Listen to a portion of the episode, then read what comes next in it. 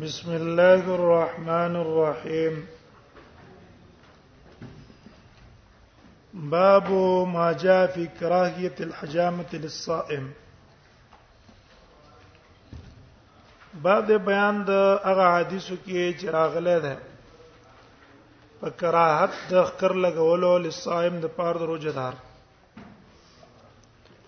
روزدار دی روزې نیولې ده او په حالت د روزې کې خکر لګی نه خکر له مکروه ده په دې باب کې احادیث دوه قسم راغلي مصنف په دوه قسم حدیث راوړي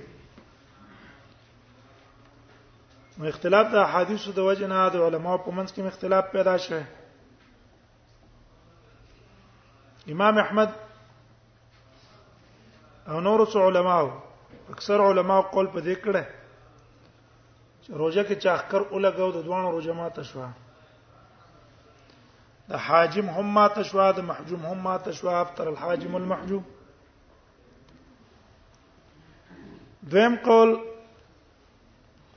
د ابن حزم ظاهری او د احناف او د نور علماو ده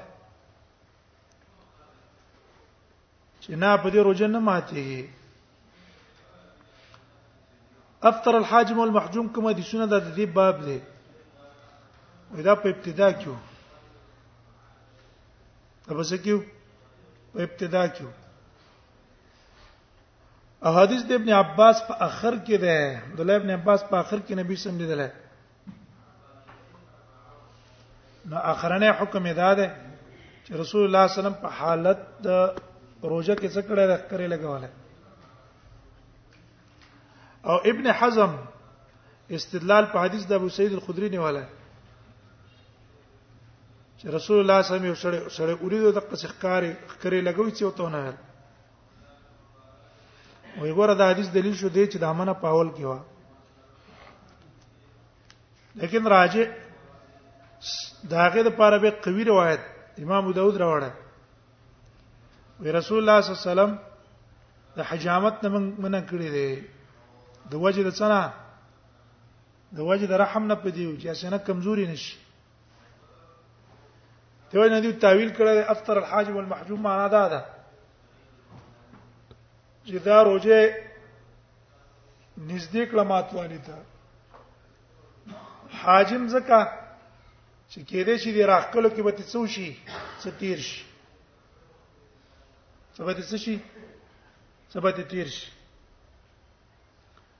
او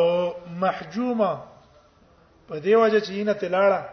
کې دې چې دې نه تلو د وجه دې عاجز شي روزه ونه خوري او کدا خبره نه روزه پڅنه کیږي ماته یې نه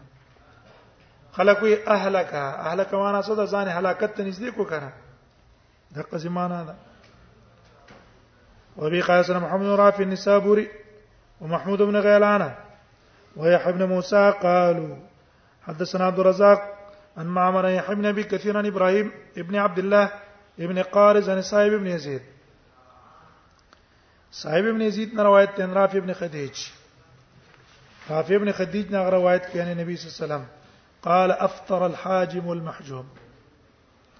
روزه ما تکړه چا حاجم او محجوم دوانو افترا معنا څه د نږدې شو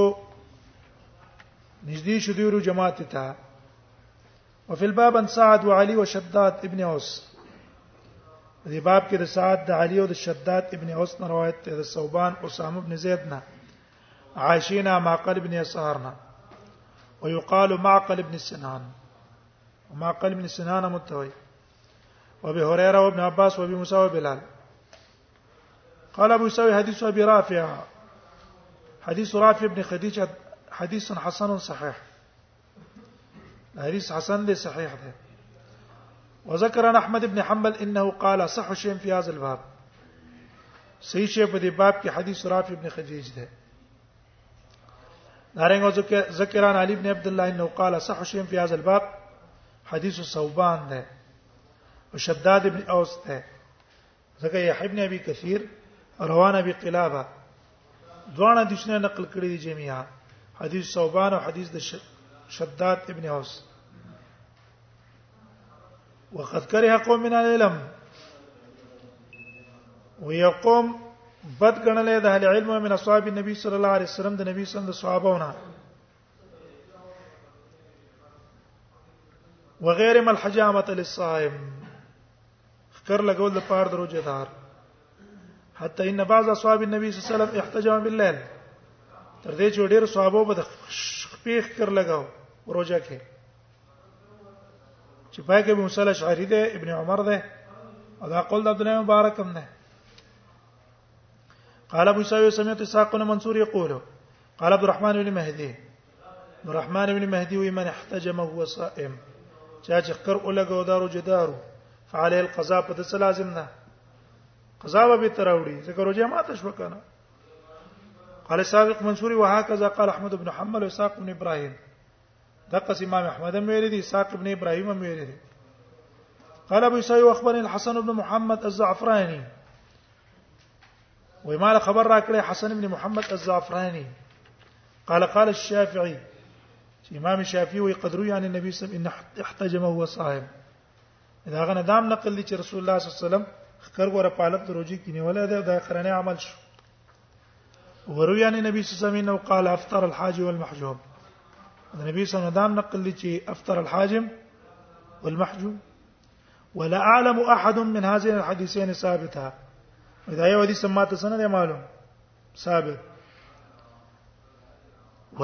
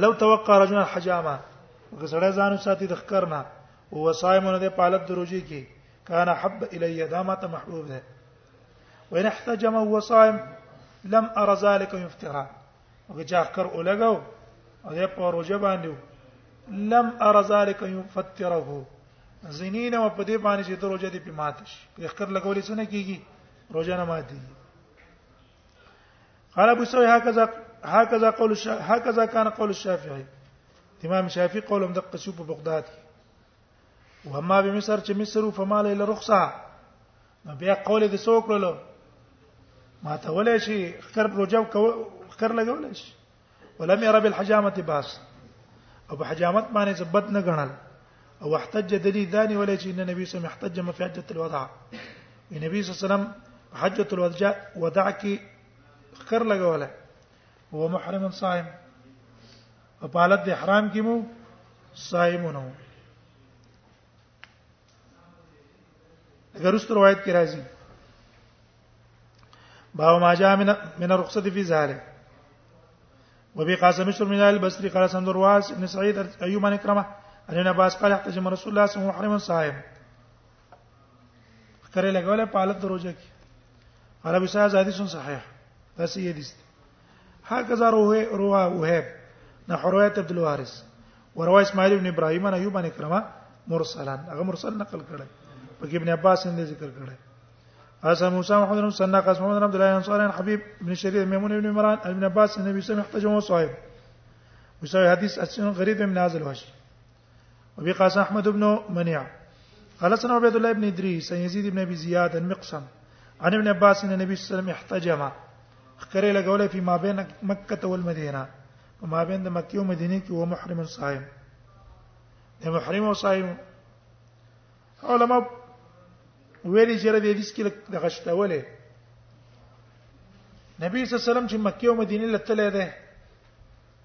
یو ځل تللی دی په حجۃ الوداع کې خو نبی صلی الله علیه وسلم طریقه دا و چې په سفر حجۃ الوداع کې روزه نه و او په سفر کې د رسول الله صلی الله علیه وسلم روزي عادت نه ټیک شو او بل ځل تللی دی نبی صلی الله علیه وسلم ته په رمضان کې تللی دی فتح د مکه له صلی الله علیه فته د مکه له تل دی خو هغه سفر د جهاد دی نو که حجۃ الوداع یاده اکی رمضان نه ده او که فته د مکه یاده فته د مکه کې رمضان دی خو نبی سم په سفر د جهاد ته له بهم روزي نه نیولې نو دیو جن علماء وی چې دې کې څه شته د الفاظو کې خدای را دغه تراغله بلکې دوه حدیثونه مکس کړي